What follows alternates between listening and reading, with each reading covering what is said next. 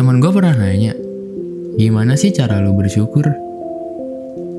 Dan gue pikir salah satu cara gue bersyukur adalah dengan ngeliat hal-hal eksternal kayak gimana gue keluar rumah, lalu bengong latin bulan.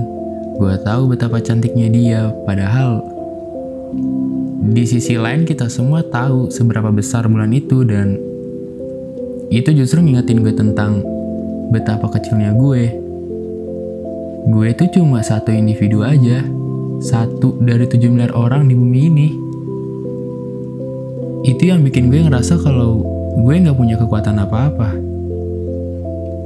Kalau katakanlah gue mati atau menghilang, masih ada 7 miliar orang di dunia. Gue nggak sesignifikan itu untuk ngubah apa-apa di dunia ini. Gue nggak seberarti itu juga buat dunia. Jadi ketika gue tahu fakta-fakta ini, kenapa gue perlu takut?